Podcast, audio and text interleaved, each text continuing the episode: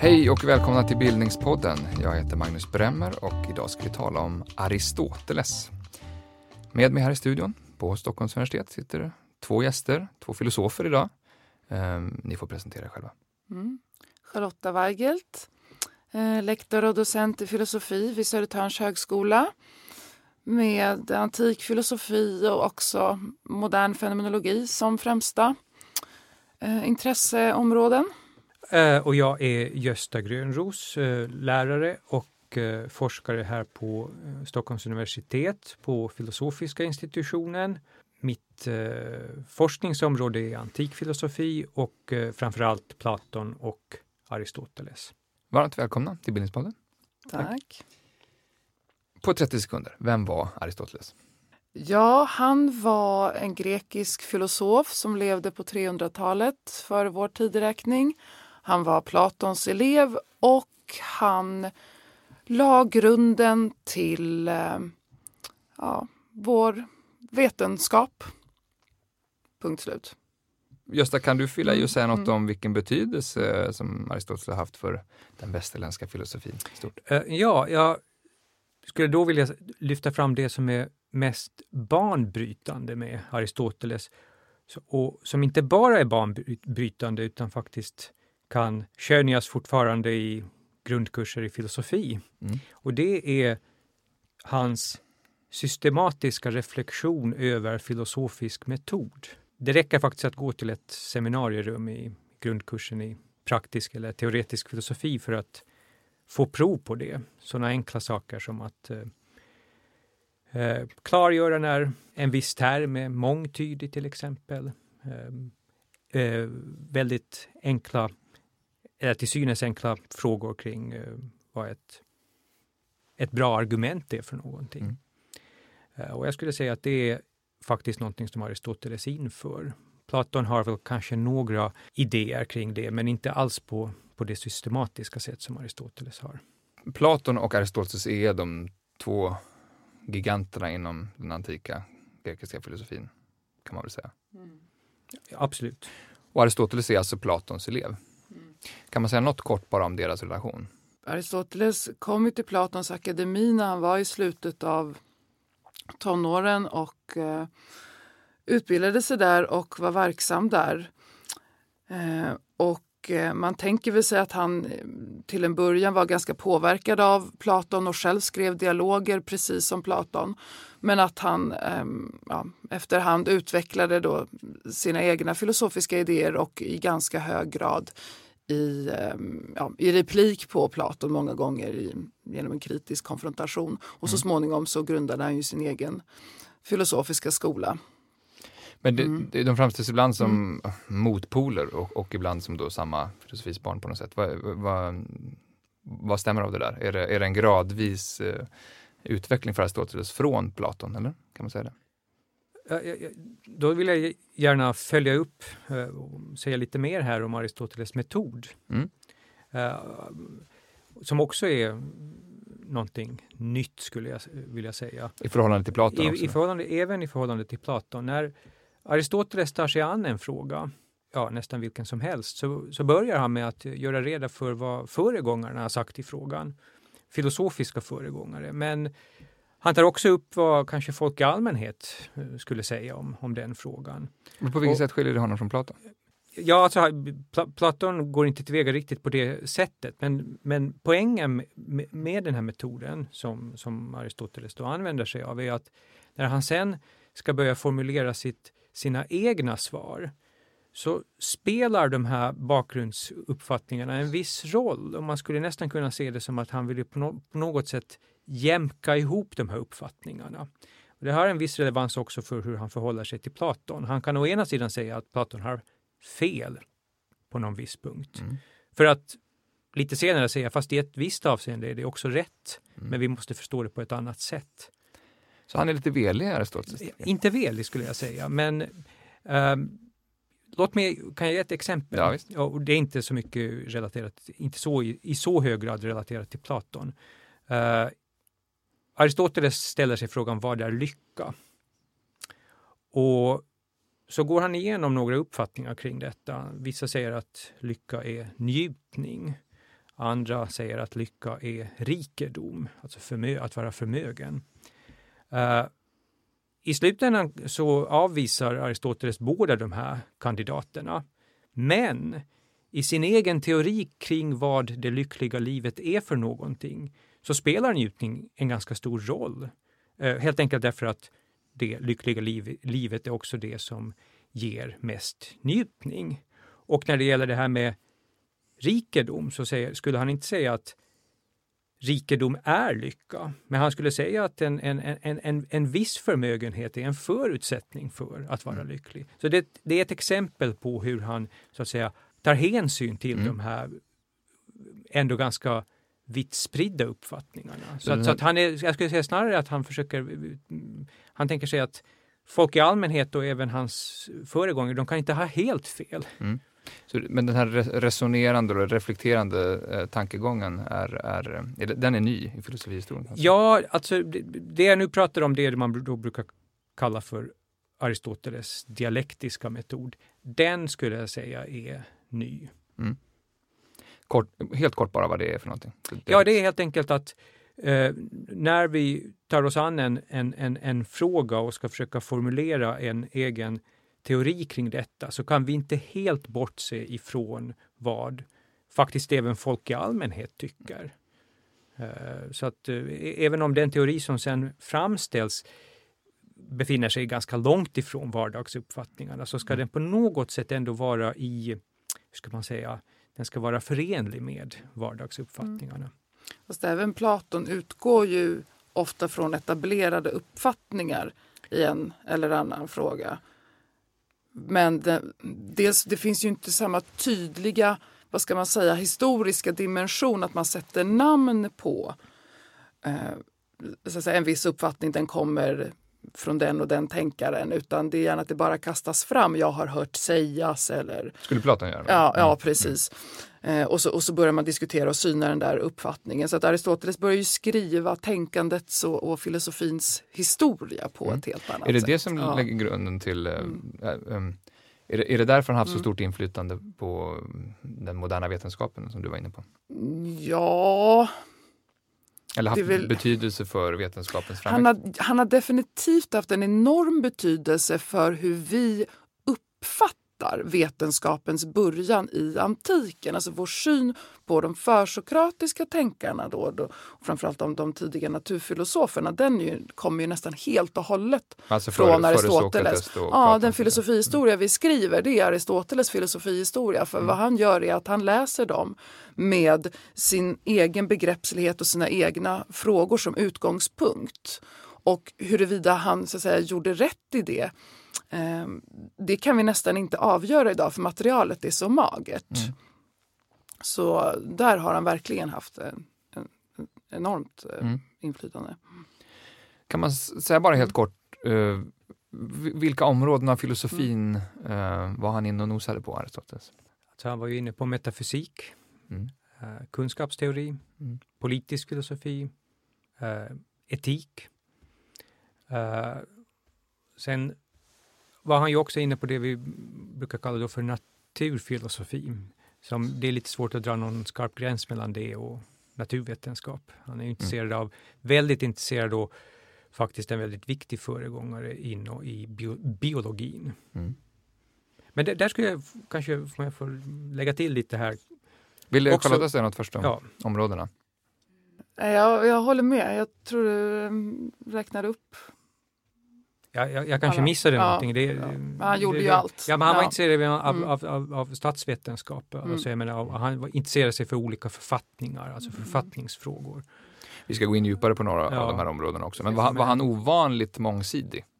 I sin tid? Ja, alltså, så här, när, jag, när jag skulle besvara den här frågan Mm. om vad, hans viktigaste så att säga, betydelse har varit så Mm. tror jag många skulle säga så här att ja, det var att han skapade de olika vetenskapliga disciplinerna. Så att om vi Mm. går, omkring här på universitetet och ser, och ser på de olika skyltarna med olika institutioner, Mm. eh, institutionsnamn på, så ju, skulle många av dem kunna föras tillbaka till Aristoteles. Så det var Mm. han som sa att okay, biologi är ett eget område, Mm. fysik är ett eget område. Eh, men om jag, om jag får utveckla lite grann kring det här med biologi. Uh, Aristoteles skriver, det, jag tror att det faktiskt är hans mest omfångsrika verk som heter någonting i stil med uh, Undersökning av djuren som är ett väldigt omfattande verk. Där går han in i detalj och eh, beskriver olika djurarter och deras biologiska funktioner. Uh, så, det är på något sätt ett väldigt, på det sättet, empiriskt verk. Han, han, han det. utgår ifrån från sina observationer och Mm. även från andras observationer. Så det är en, en bit av hans liksom, biologiska undersökningar. Eh, Men sen finns det då ett annat verk som är mer känt då, nämligen det som vi då översätter till Om själen, De Anima. Och den har en helt annan karaktär. Den är också intresserad av biologi, men på en helt annan nivå. Så där skulle man kunna säga att han ägnar sig åt biologins filosofi. Och det är lite typiskt tycker jag för Aristoteles, att han har den här spännvidden. Han Han, han, han kan ägna sig åt det liksom part, helt partikulära, enskilda och sen liksom höja sig upp till en helt annan reflektiv nivå då. Mm. Även in, in, inom ett område som biologi. Så att i det anima ställer han mera frågor kring vad är liv? Mm. D- d- Den frågan ställer han sig inte när han undersöker de enskilda Mm. eh, djurarterna. Så att det, det tycker jag säger någonting om hans, om hans förmåga liksom att, att eh, abstrahera. Vi kanske också ska lägga till att han är på sätt och vis den första litteraturvetaren också med sitt arbete på etiken. Som behandlar Mm. tragedin. Mm. Men eh, vad vet vi om Aristoteles eh, bakgrund? Hans barndom rent av? Ingenting, tror jag. jag. Jag vet inte om man vet någonting innan han just kom till akademin. Vet man var han kommer ifrån? Från Stageira. Mm. Det är väl i um, Chalkidike eller någonting sånt. Kallas Mm. även Halkidiki. Ja.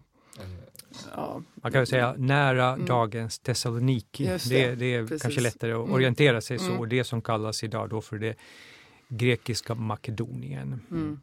Men som då var en egen, ett eget kungadöme. Hur, hur gammal var han när han kom till Aten och eh, akademin, Platons akademi då? 17-18 år. Mm. Sådär. Kan ni säga något bara om den miljön?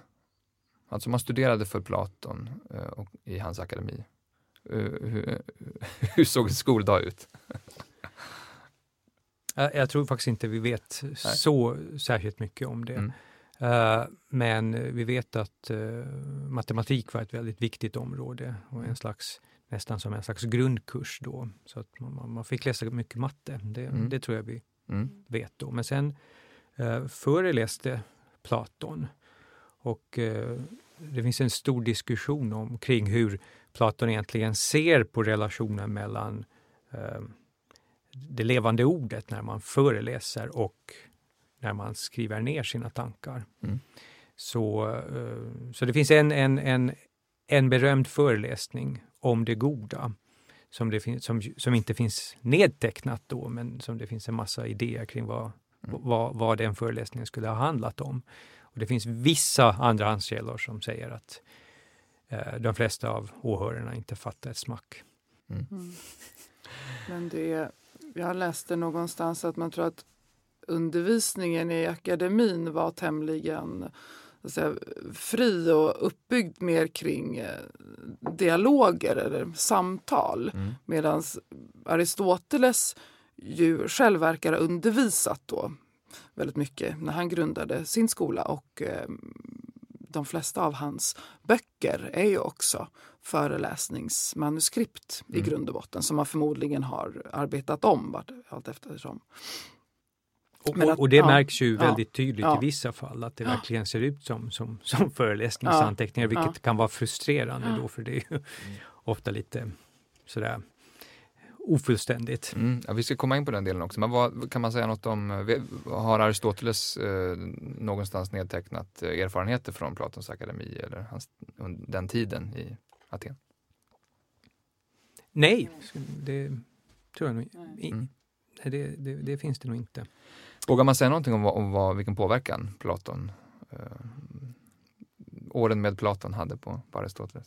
Ja, det är de som har gjorde Aristoteles till den han är. Eller det är omöjligt att tänka sig Aristoteles utan Platon. Mm. Vilket ju inte egentligen säger någonting om, om Aristoteles filosofi i relation till Platon. För det är ju mm. en, en, eh, enorm utveckling men man ser ju hur grundfrågorna i hög grad eh, kommer från Platon men att Aristoteles i relation till honom utvecklar en helt annan typ av vetenskaplig filosofi och med dem kommer det ju också naturligtvis nya frågor, inte minst när på naturfilosofins område mm. som ju kanske är den mest uppenbara skillnaden mellan honom mm. och Platon.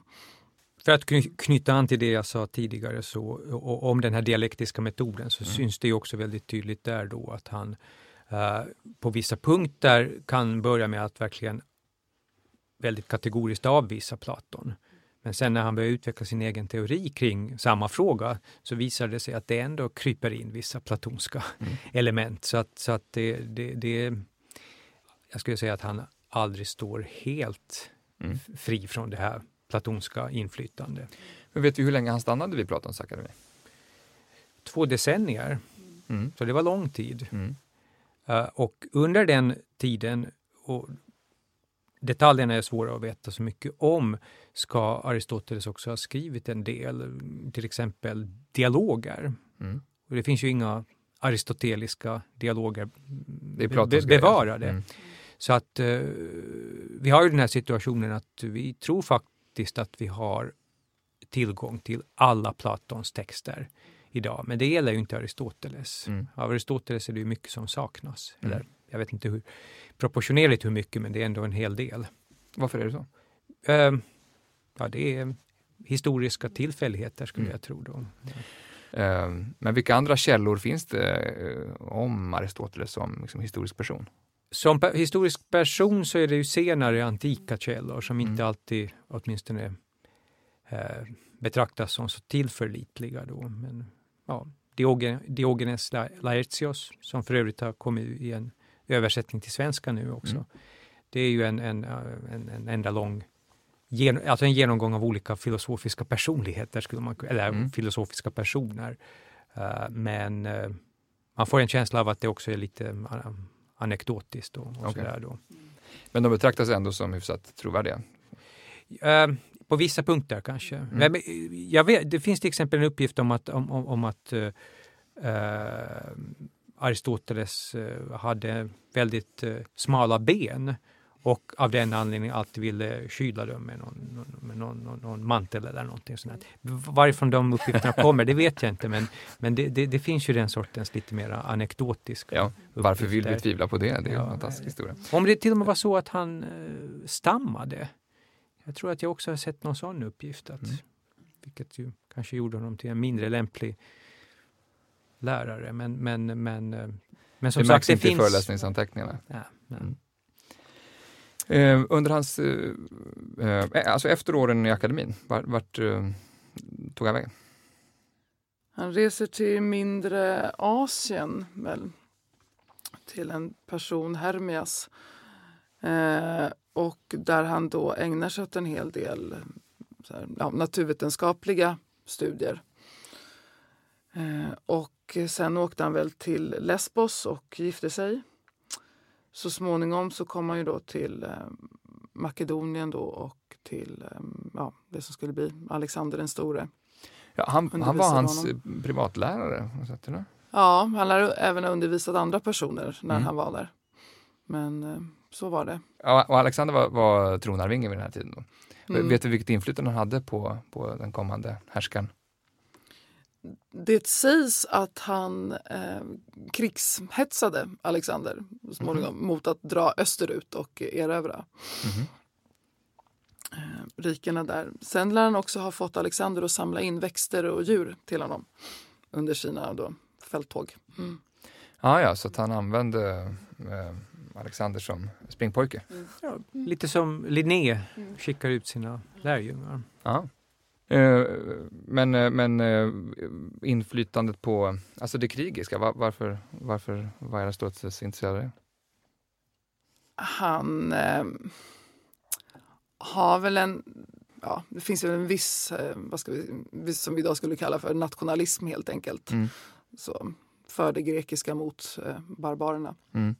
Och det blev kontroversiellt inom det grekiska eftersom Makedonien av, och makedonerna av många, framförallt atenare och även andra gre greker, betraktades inte riktigt som greker utan de var liksom lite i periferin av, av, av det, eh, den grekiska kulturen. Så att när Makedonien då började erövra andra grekiska eh, stadsstater så, så var det ju många som, som var emot det. Mm. Så, att, så att det fanns ju inte ett hundraprocentigt stöd bakom, bakom den ma- makedoniska kungen. Ja, och, och Aristoteles då eh, sympatier eller stöd för Makedonien skulle, det skulle drabba honom senare? Ja. Eller?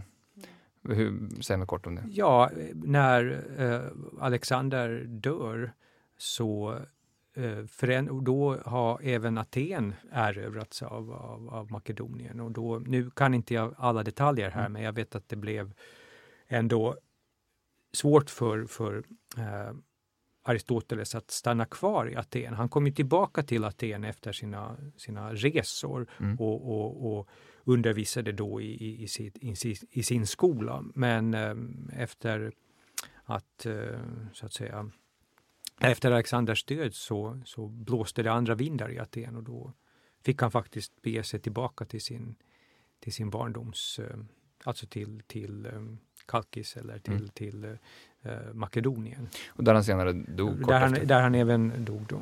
Han lär ju till och med ha anklagats för gudlöshet, så precis som Sokrates. Och ska ju då ha sagt att han måste dra för att inte atenerna en andra gång ska försynda sig mot filosofin.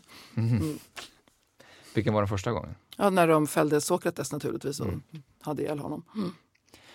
Men, men eh, mellan döden och eh, undervisningen av, av eh, Alexander, eh, lite grovt, så, så, så han, och han återvände till Aten och, Mm. och eh, startade den här skolan, Dykaion. Mm. Kan man säga något kort om den bara?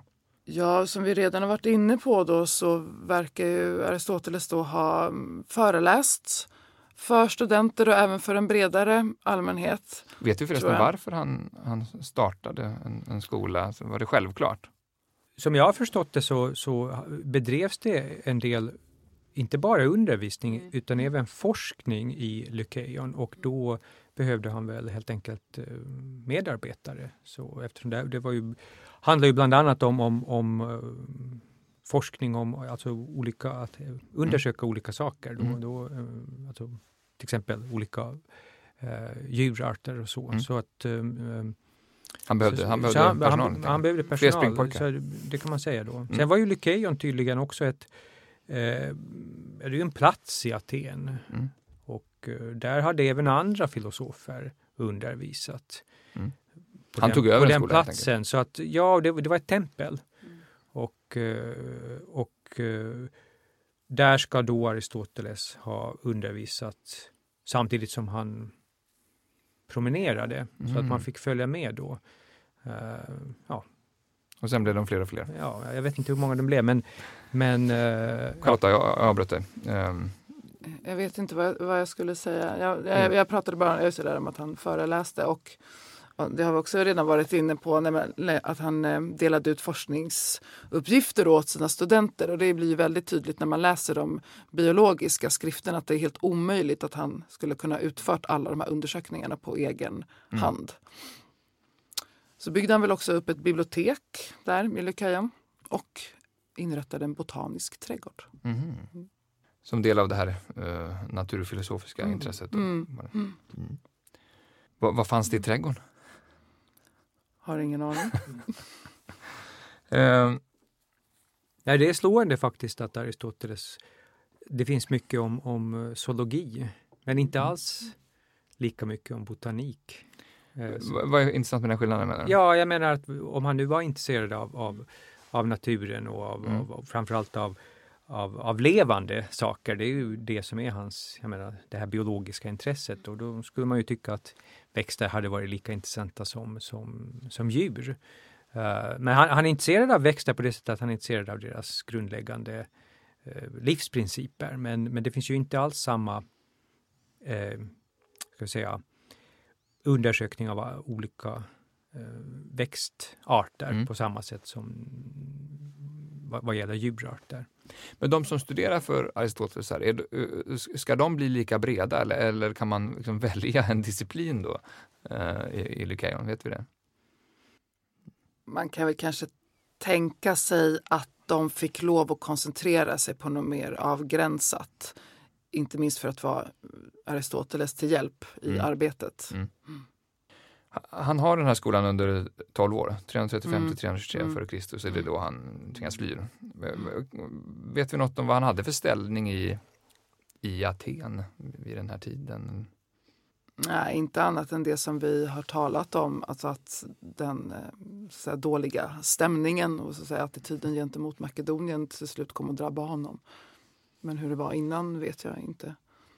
Äh, det, mm. Nej, det, jag tror mm jag är osäker på om det finns no några tydliga uppgifter om det i mm. källorna. Uh, jag tror inte vi ska föreställa oss kanske mm. att, att Aristoteles eller, eller, eller Platon eller de senare filosofiskolorna mm. att de kanske var, hade någon väldigt uppburen ställning i, i det atenska samhället i övrigt. Mm. Det, mm. det, är inte, vi, vi tänker oss kanske att det borde vara så. Det var mm. universiteten sådär, men det, mm. jag undrar om inte det var lite mera privata klubbar. De fick hålla sig på sin ja. egen kant. Mm. Aristoteles sägs ha sagt att jag älskar mina vänner i akademin men jag älskar sanningen ännu mera.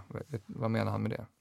Jag, tror, jag har hört den där i, i en version, alltså någon form av sentens på latin då, som i översättning blir Platon är mig kär men sanningen är mig kärare. Mm. Vad eh, Aristoteles faktiskt säger det är ju i etiken att är man filosof så är ens främsta uppgift att rädda sanningen även när det innebär att man måste ge upp det som är ens eget. Och vad han menar med det är väl är ganska klart att ägnar man sig åt filosofi eller vetenskaplig forskning, ja då är det ju sanningen som kommer först och man måste vara beredd att pröva det som verkar som mest självklart för en mm. och inte mm, så att säga, blunda på grund av eh, lojalitet mot eh, den tradition man kommer ur. För Aristoteles del då. Men är det, en, är, det en, mm. är det en kritik av Platon eller är det bara att tydliggöra sin egen position? Snarare det, det, senare, att tyvärr, liksom, har du fel måste jag säga det. Mm. mm. Det gjorde ju Platon själv på mm. sin tid. Ja vet inte om Aristoteles någon gång invände mot Platon i akademin, men det är rimligt att tro. Kanske. Ja. Åtminstone man får tro ja. själv. Mm. Han var ju väldigt ung när han var vid akademin. Det är ju faktiskt värt att tänka på. Han var väl 41 år yngre än Platon. Mm. Så det var ju inte att de någonsin möttes som två fullvuxna filosofer. Mm. Riktigt. De jämlikar heller. Mm. Eh, om vi bara ska ta en, som en sista jämförelse mellan Platon och eh, Aristoteles då, att båda har formulerat metafysik kan vi säga först vad, vad metafysik betyder? Teori om verkligheten. Och då kan man kanske dela upp det i två delar och säga att dels är det frågor kring vad som överhuvudtaget existerar. Eh, och sen finns det frågor kring om det finns några grundläggande principer som gäller för allt det som existerar. Ungefär så. Sen skulle väl kanske Aristoteles lägga till att frågor om vad som är den första orsaken till, till allting som sker eller all, alla, alla förändringar är en egen del av metafysiken. Men mm. jag tror att de här två första är kanske det som vi förknippar i första hand med, med, med metafysik. Mm. Man kan ju lägga till att varken Platon eller Aristoteles kände ju ordet metafysik utan det är ju en slags biblioteksteknisk term. Man behövde ge en titel åt de böcker som kom efter dem som handlade om naturen. Så det grekiska uttrycket är då ta metata fysika och det är helt enkelt de som kommer efter de eh, som handlar om naturen. Mm. mm, och det är metafysiken. Så att, men det passar ganska över, bra. Ja, mm. precis. Mm. Därför att Aristoteles metafysik utgår ju i väldigt hög grad just från en reflektion över naturen på en så att säga, högre nivå än naturfilosofin mm. själv. Men det, det mm. intressanta är att det är så vi använder meta. Men just i den här eh, biblioteksklassifikationssystemet så betyder det ju efter. Mm. Så det är helt enkelt post. konkro- ja, konkret då Fast böckerna efter Mm. fysikböckerna. Mm. Uh, men det är klart, vi pratar ju om meta och meta just på det här att det är någonting som är en, en slags över, Mm. någonting som är över. Meta är från grekiskan och post från latin. Ja, Mm. ja. Så vi skulle, postfysik. ja. ja, ja. Eh, kan man säga någonting om skillnaden i deras metafysik? Som en, som en sista jämförelse mellan dem. Mycket stor fråga alltså. Det, det, Mm. det, uh, men, um, och det, ja, det skulle föra för långt att gå att, att redogöra för det. Men, men det är ett exempel, tycker jag, ett väldigt bra exempel där Aristoteles vill göra sig fri från den platonska eller från Platons metafysik, men där han inte riktigt ändå i slutändan lyckas göra det eller att han ändå tycker att ja, men det finns någonting hos Platon som han ändå vill bevara. Eh, men vad, vad ska man säga? Eh, Aristoteles tänker sig att det som finns det är de här konkreta sakerna som vi har runt omkring oss och som vi kan ta på med våra sinnen eller uppfatta med våra sinnen. Mm. Eh, Mer än Platons idévärld. Så. Det är kanske snarare så att han tänker sig att eh, Platon har en felaktig förståelse av så att säga, verklighetens ideala dimension. Han behandlar det som det vore ytterligare ett slags föremål eh, i analogi med de konkreta föremålen. Men det så abstrakta eller ideal och så vidare, det är ingenting som existerar självständigt utan det är en aspekt av den här världen. Så Mm. väldigt förenklat så skulle man kunna säga att Aristoteles anklagar Platon för att inrätta någon form av tvåvärldssyn. Mm. Han skiljer Mm. för mycket på meta och fysik, skulle man kunna säga. Kanske. Ehm, men det här med att eh, Aristoteles var så, så bred, att han tog upp allt från zoologi till litteratur och skådespeleri uppenbarligen, och även, även politisk som vi ska Mm. komma in på Mm. lite senare. Eh, hur, hur, kan man säga någonting mer om va- varför han, varför han var så bred? Var, vad som gjorde det möjligt? Jag tycker faktiskt att det är, en- det är en, en väldigt bra fråga som jag själv har funderat en hel del över. Jag, jag tycker att det är faktiskt nästan ofattbart att han kunde åstadkomma det han åstadkom. Och med tanke på också att han blev inte jättegammal, han blev ungefär 60.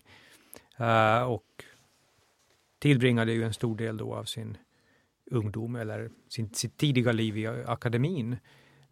Alltså hur, konkret, hur han han med Mm. allt det han, han gjorde? Jag, det, jag tycker faktiskt att det är obegripligt. Man kan ju i och för sig utgå från att han inte hade några andra eh, förpliktelser och att han liksom hade möjlighet att, att, att göra det. Men jag tycker ändå att det är, är smått eh, obegripligt. Eh, Han måste ju ha haft någon idé om så att säga, vetenskaplighet överhuvudtaget som lät honom se att hur världen så att säga, kan inrättas i olika områden som alla kräver sitt speciella tillvägagångssätt. För det är det som är det, eller en av de saker som är fascinerande med honom eh, som ju också Gösta har varit inne på, att han eh, tar sig an saker på, på, så, olika, på så olika sätt och på så olika nivåer av eh, reflektion och ja, allmänhet och så vidare. Att han förmår se varje fälts särart och liksom vilka frågor som är vettiga att ställa.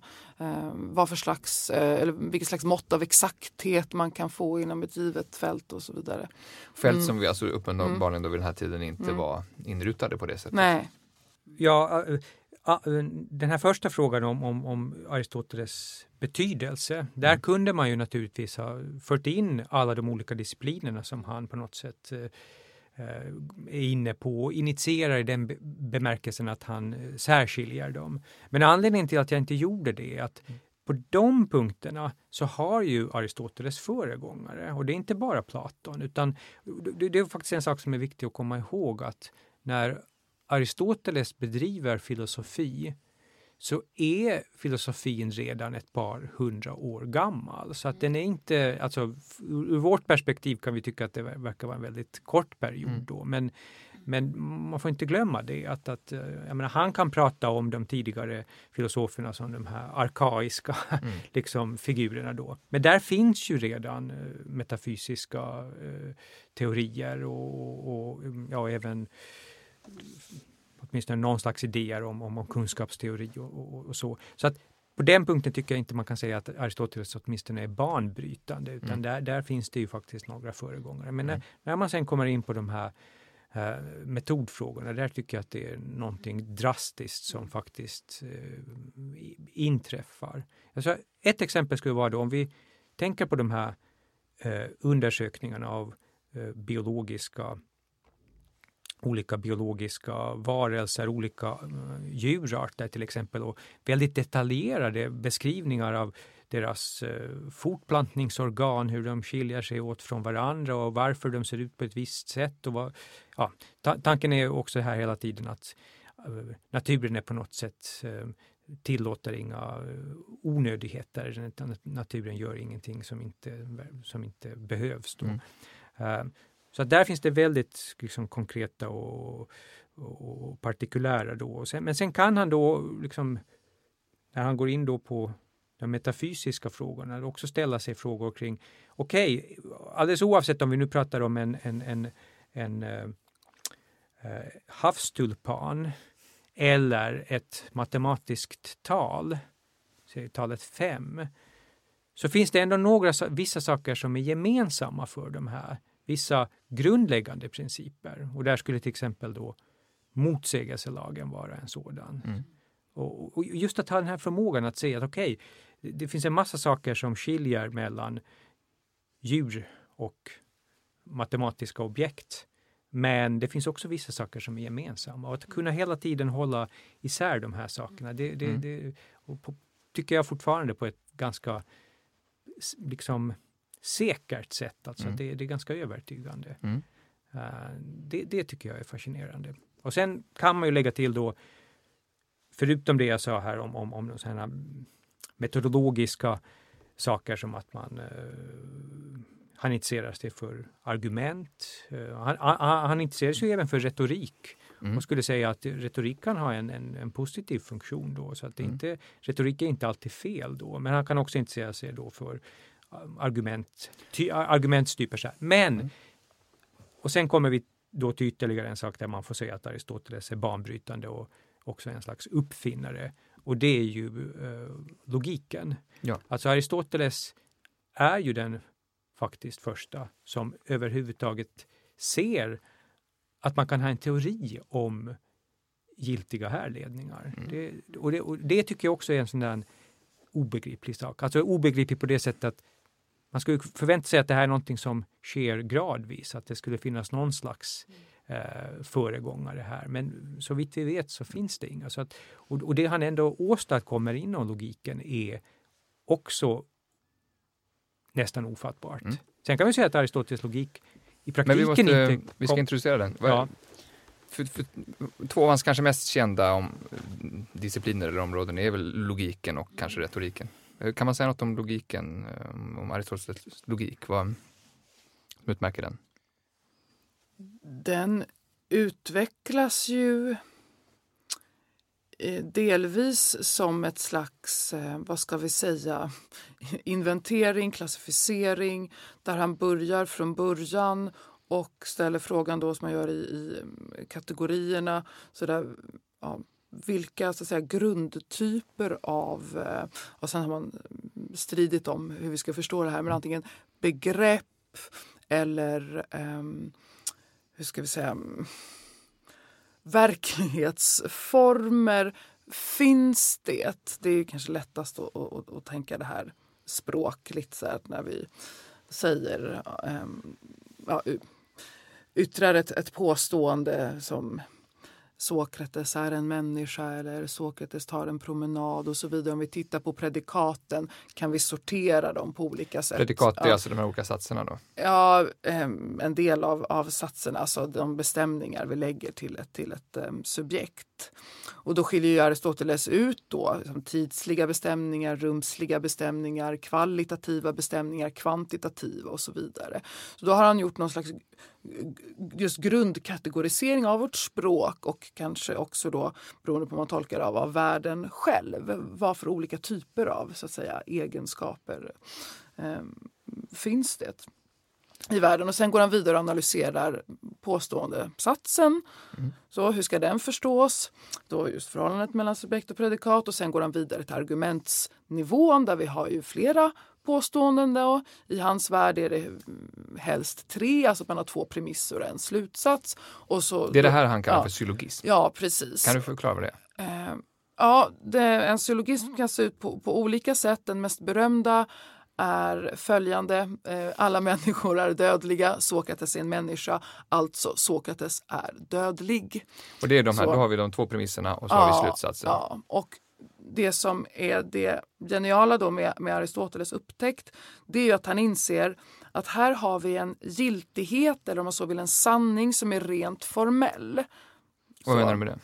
Att den bara har att göra med hur, hur ska vi säga, elementen i satserna är ordnade. Det, det, är inga, det handlar inte om en sanning som är empiriskt grundad. Så i det här fallet mm. att... Eh, Den är logisk. Ja, mm. precis. Och slutsatsen följer ur premisserna. Så hela slutledningen är nödvändig. Man kan ju se att Platon är inne på liksom, liknande idéer i, i sina dialoger men han systematiserar det ju aldrig. Mm. Medan så, eh, mig, eh, Aristoteles han går ju igenom alla möjliga eh, mm. syllogismer av det här slaget. För man kan ju laborera med Eh, naturligtvis man kan föra in olika kvantifikatorer, alltså man säger alla eller man säger någon. Mm. Alltså alla människor är, någon människa är eller någonting i den stilen. Man kan ju också sätta in ett inte och, och mm. så vidare. Ja. Men använder han äh, mm. exempel som, är, som Sokrates till exempel? Eller? i sina, i sina syllogismer. Eh, de just det exemplet är jag lite osäker på. Men han använder ju eh, exempel då, men eh, det viktiga, det Lotta säger här, är ju den här idén då om att det spelar ingen roll vad de här orden i syllogismerna står för. Vi skulle kunna byta ut människa mot någonting annat. Och så länge de här satserna har samma logiska form så bevaras den här logiska giltigheten. Och sen har vi retoriken då. Vad, vad, vad kan vi säga om Aristoteles retorik? Ja, det är en studie över det konsten att övertyga genom sitt tal. Och det, där finns det en väldigt tydlig platonsk bakgrund. Men eh, i Platons dialoger så finns det väldigt stark skepsis gentemot retorik som gärna kontrasteras då mot det sanningssökande samtalet. Även om varför, det, varför kontrasteras det mot det? Man tänker sig att, att övertyga innebär gärna att försöka få människor att se saken som man själv vill. Eh, istället för att bara så att säga styra dem mot sanningen rätt och slätt. Mm. Sen, det här är enormt ambivalent hos, hos Platon själv. Så filosofins förhållande till retorik, då retoriken så då gärna hänfördes till sofisterna som har ganska dåligt rykte i, i Platons dialoger. Eh, Men distinktionen men, äh, griper ju ändå rakt in i, i vår mm. tid, postsanningssamhälle och faktaresistens ja, och så vidare. Absolut, men äh, Aristoteles kan ju på ett helt annat sätt då se en, en positiv möjlighet för för retoriken. Så det blir inte alls samma skarpa kontrast. Att, ändå, att, vär, att värva folk till sanningen? Så att säga. Ja. Eller övertyga folk om ja. sanningen. Alltså en, en väldigt viktig punkt i um, Aristoteles syn på retoriken är att retoriken ska övertyga, men den ska också uppväcka känslor. Mm. Och, och, den ska uppvä uppväcka rätt sorts känslor för rätt sorts eh, sak. Då. Och det menar han är helt legitimt. Alltså, så att vi skulle tycka så att vi ska föra en rationell diskussion om någonting. Men han tycker att i vissa situationer så är det legitimt då.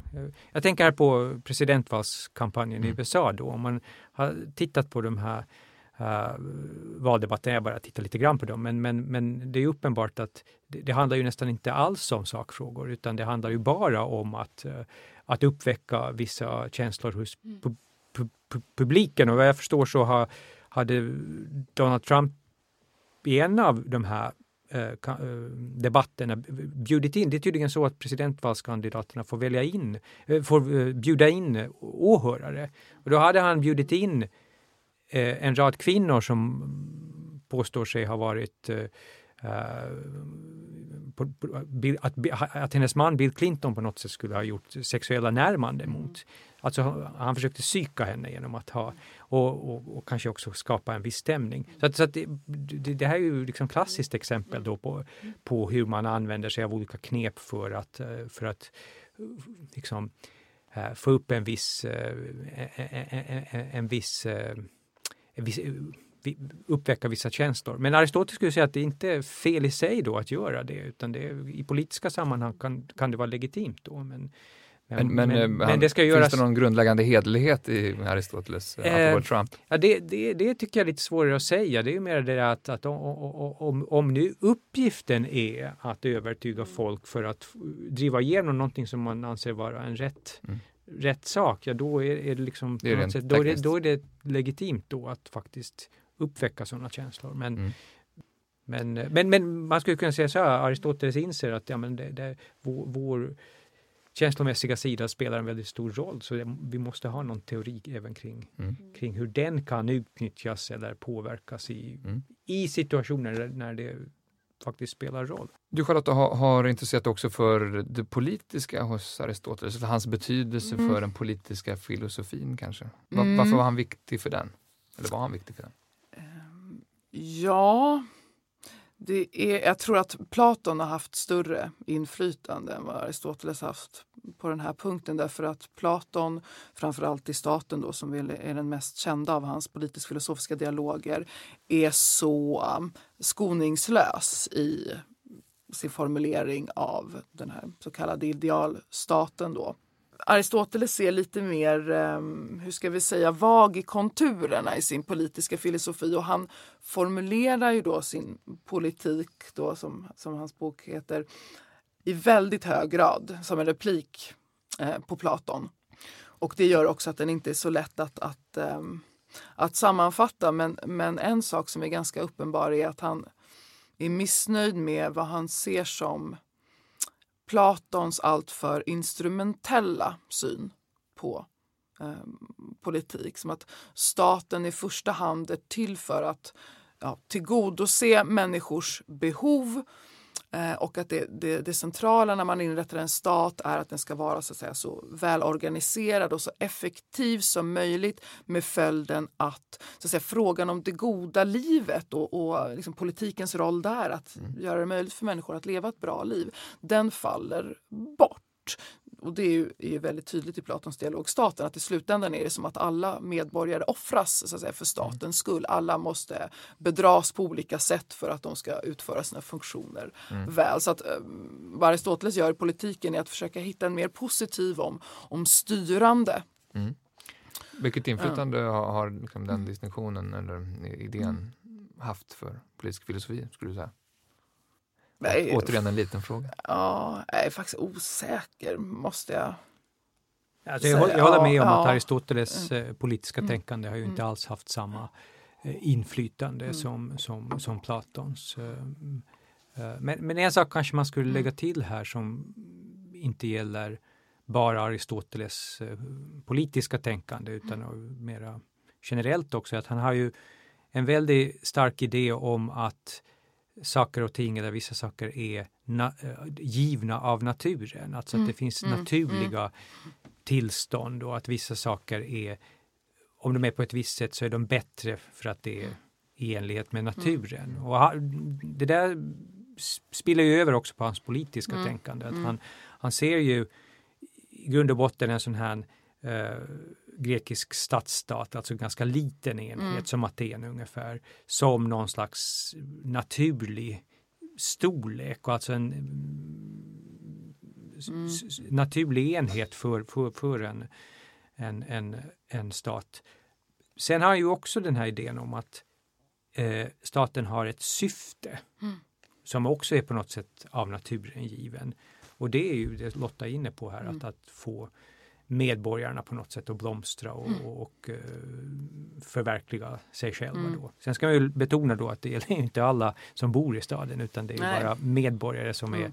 och det är ja, män för det första och, och, eh, och sen ja, finns det ju en ma- massa andra eh, invånare som slavar och, Mm. och eh, invandrare och så som inte, som inte räknas in i den här. Även olika slags hantverkare. Ja, Mm. just det. Så Mm. att, eh, men men det, det finns någon idé ändå om att, att människor sluter sig samman i Mm. samfund Mm.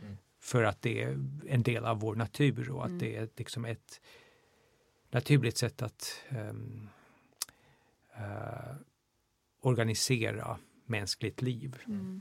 Man kan ju Platon har en liknande idé att ja, människor måste gå samman på grund av sin egen bristfällighet. Ingen person klarar sig själv. Alla kan inte både vara skomakare, läkare, kock och så vidare. Men Aristoteles försöker så att säga, lyfta sig över den där behovsnivån och säga att ja, men detta att vi sluter oss samman, vad det innebär eller ska innebära är att vi turas om att styra och att styras. Det är det som utmärker den goda staten. Endast så vi kan ha en idé om ett, om ett gott styre när vi turas om.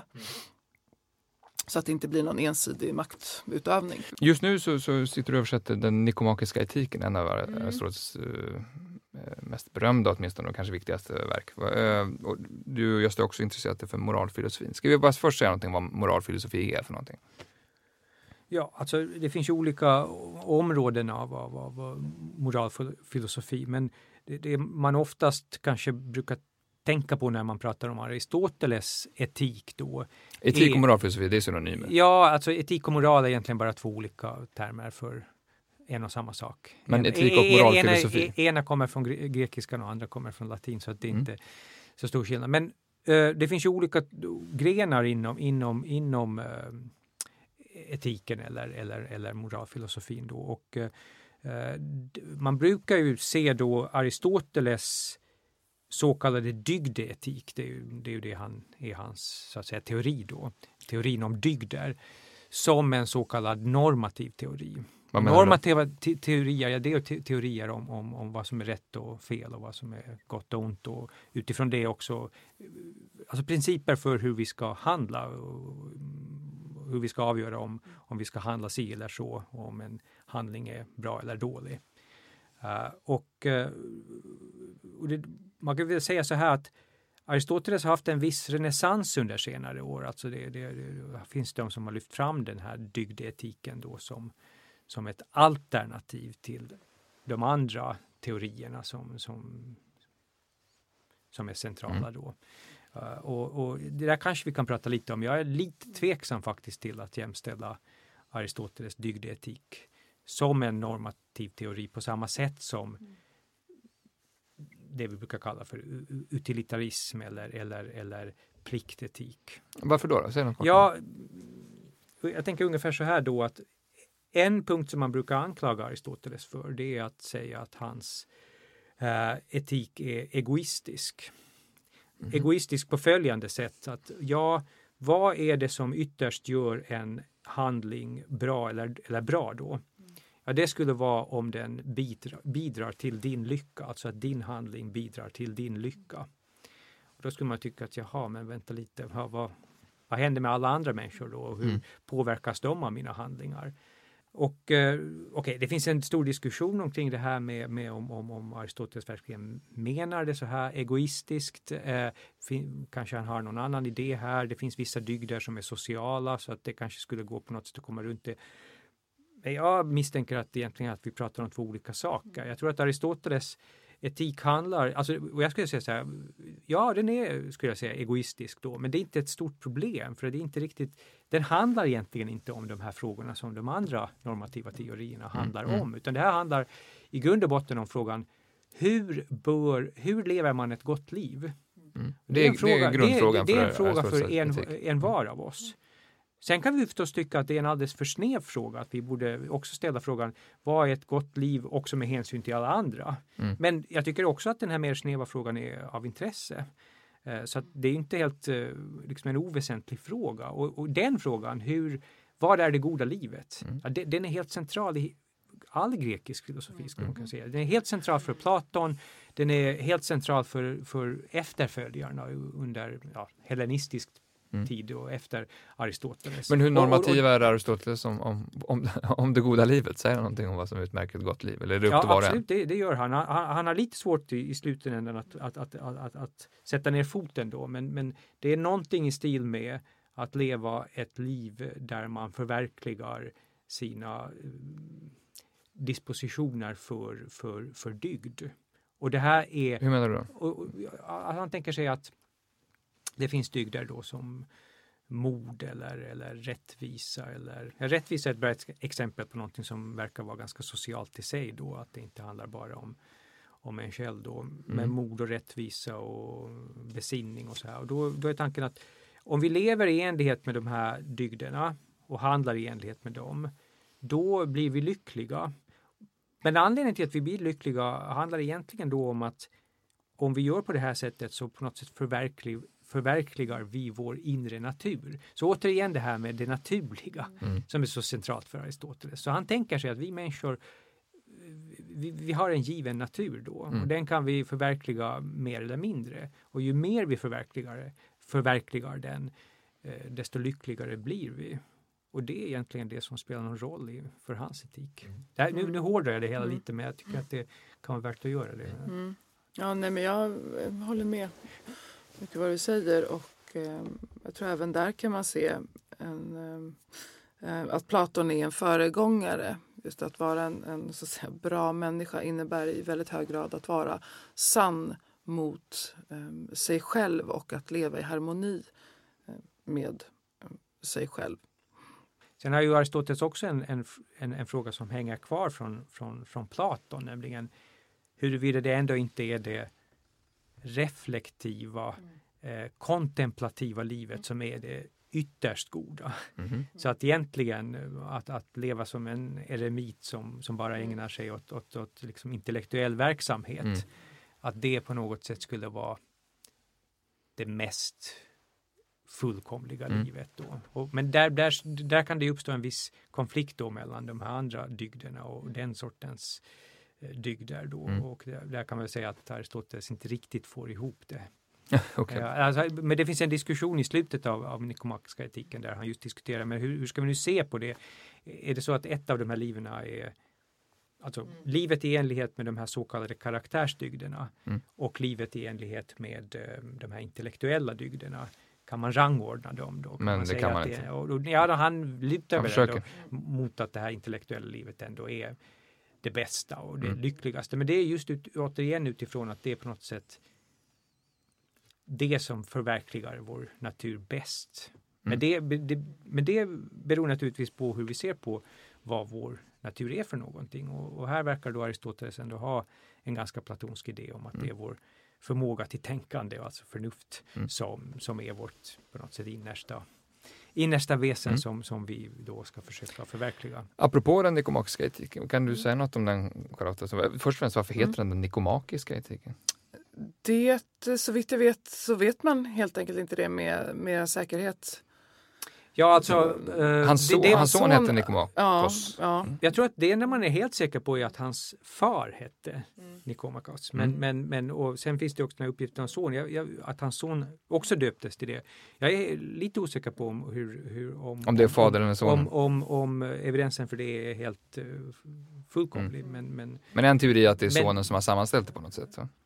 Ja, eller att han skulle ha skrivit den till sin son kanske. Mm. Eller skrivit den i, för att uh, hedra sin far. Jag menar, mm. Okej, okay. ja men vi ringar in det ja, namnet. Men det är ett namn i alla fall. Ja, visst. Det, ja. Vad, vad utmärker den som, som, som skrift? Skriften är... Mm, man kan se att Aristoteles där ganska tydligt så att, talar till folk på deras egen nivå.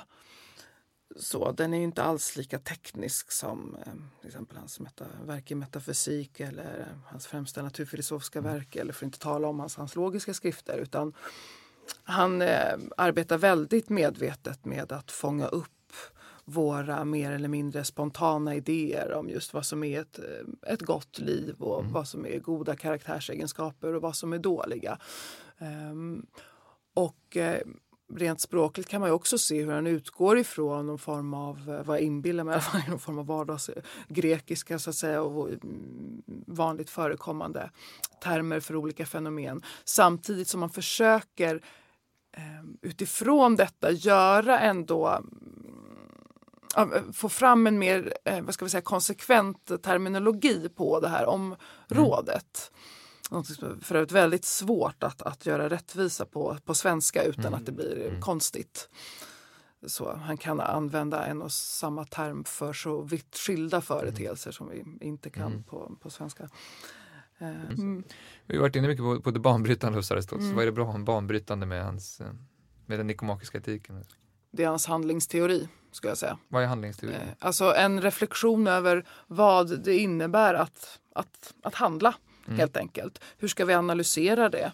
Vad är förhållandet mellan våra gärningar i någon slags fysisk mening och våra avsikter? Och, eh, ja, vilka, vilka är våra grunder för vårt, vårt handlande och så vidare. Att han gör där, och, och det där kan man verkligen se hur han försöker liksom begreppsliggöra det här fältet. Att han introducerar sådana grundläggande begrepp som ja, dels handling, dels beslut, syfte eller ändamål mm. och så vidare. Och så, ja, Eh, utvecklaren sin idé då om, om eh, ja, ett teleologiskt motiverad handling. Alltså så ändamålsenlig? Ja, mm. precis. Mm. Och det är ju eh, Ja, det är ju den första teorin om handling och den, är ju, den står ju sig än idag, får man väl säga. Ja, så ja. återigen är det liksom det metodiska mm. sätt som han ja. systematiserar ja. en redan befintlig disciplin eller, eller grundlägger den han utgår ju naturligtvis från någonting som folk har sysslat med tidigare. Mm. Alltså att många människor vet eh, mer eller mindre så att säga, intuitivt. För, ja, mm. precis. Att agera i olika situationer och så vidare. Men han ja, reder ut begreppen. Mm. Så. I senare tid, liksom, kan man ge exempel på någon filosof som har plockat upp Aristoteles och diskuterat honom? Eller, haft eh, inflytande på? Han, eh, ja det är kanske inte så modernt exempel men vi kan börja där i alla fall. Hegel eh, mm. var ju väldigt um, förtjust i uh, Aristoteles man kan ju se Då talar hans, vi tidigt 1800-tal? Ja precis, hans tänkande över uh, den historiska dimensionen av, av verkligheten är ju väldigt inspirerat uh, av Aristoteles. I vår tid har vi ju Heidegger mm. som ägnade sig väldigt mycket åt Aristoteles i eh, sin ja, så att säga, relativa ungdom och vars eh, mest kända verk Vara och tid är väldigt influerade av Aristoteles eh, mm. filosofi. Mm. Om man inte läst... Arendt ja. kan vi också nämna. Hanna Arendt. Ja. Mm. Som vi ska återkomma till i ett senare mm. program kan vi avslöja mm. redan nu. Eh, om man inte har läst någonting av Aristoteles, var ska man börja? Kanske ändå Nikomakiska etiken. Den är relativt lättillgänglig, åtminstone på ytan. Ja. Snart i ny svensk översättning. Ja. Just det. Um, första, kapitlet, första kapitlet uh, i den första boken av metafysiken. Det... Men bara det första kapitlet ja. och inte mer? Nej. Nej, men det första kapitlet det är inte långt heller. Och det ger en introducerar. ganska... Introducerar. Och då mm. tycker jag det introducerar ju inte bara det verket utan det mm. introducerar ju också ganska mycket kring Aristoteles syn på på, ja, både faktiskt på kunskap. Då. Mm. Mm. Tack för det. Vi ska sluta. Och tack till er, Charlotta Weigelt och mm. Gösta Grönros för att ni ville vara med. Tack också ni som har lyssnat. Vi är tillbaka om en vecka. Eh, ni kan gå in på bildningspodden.se och lyssna på tidigare avsnitt och eh, följ oss i sociala medier. Tack för idag. Hej! Du har lyssnat på Bildningspodden, en podcast från humanistiska fakulteten vid Stockholms universitet. Producerad av Magnus Bremmer och Claes Ekman. Podden spelas in på Språkstudion och tekniker är Henrik Nordgren.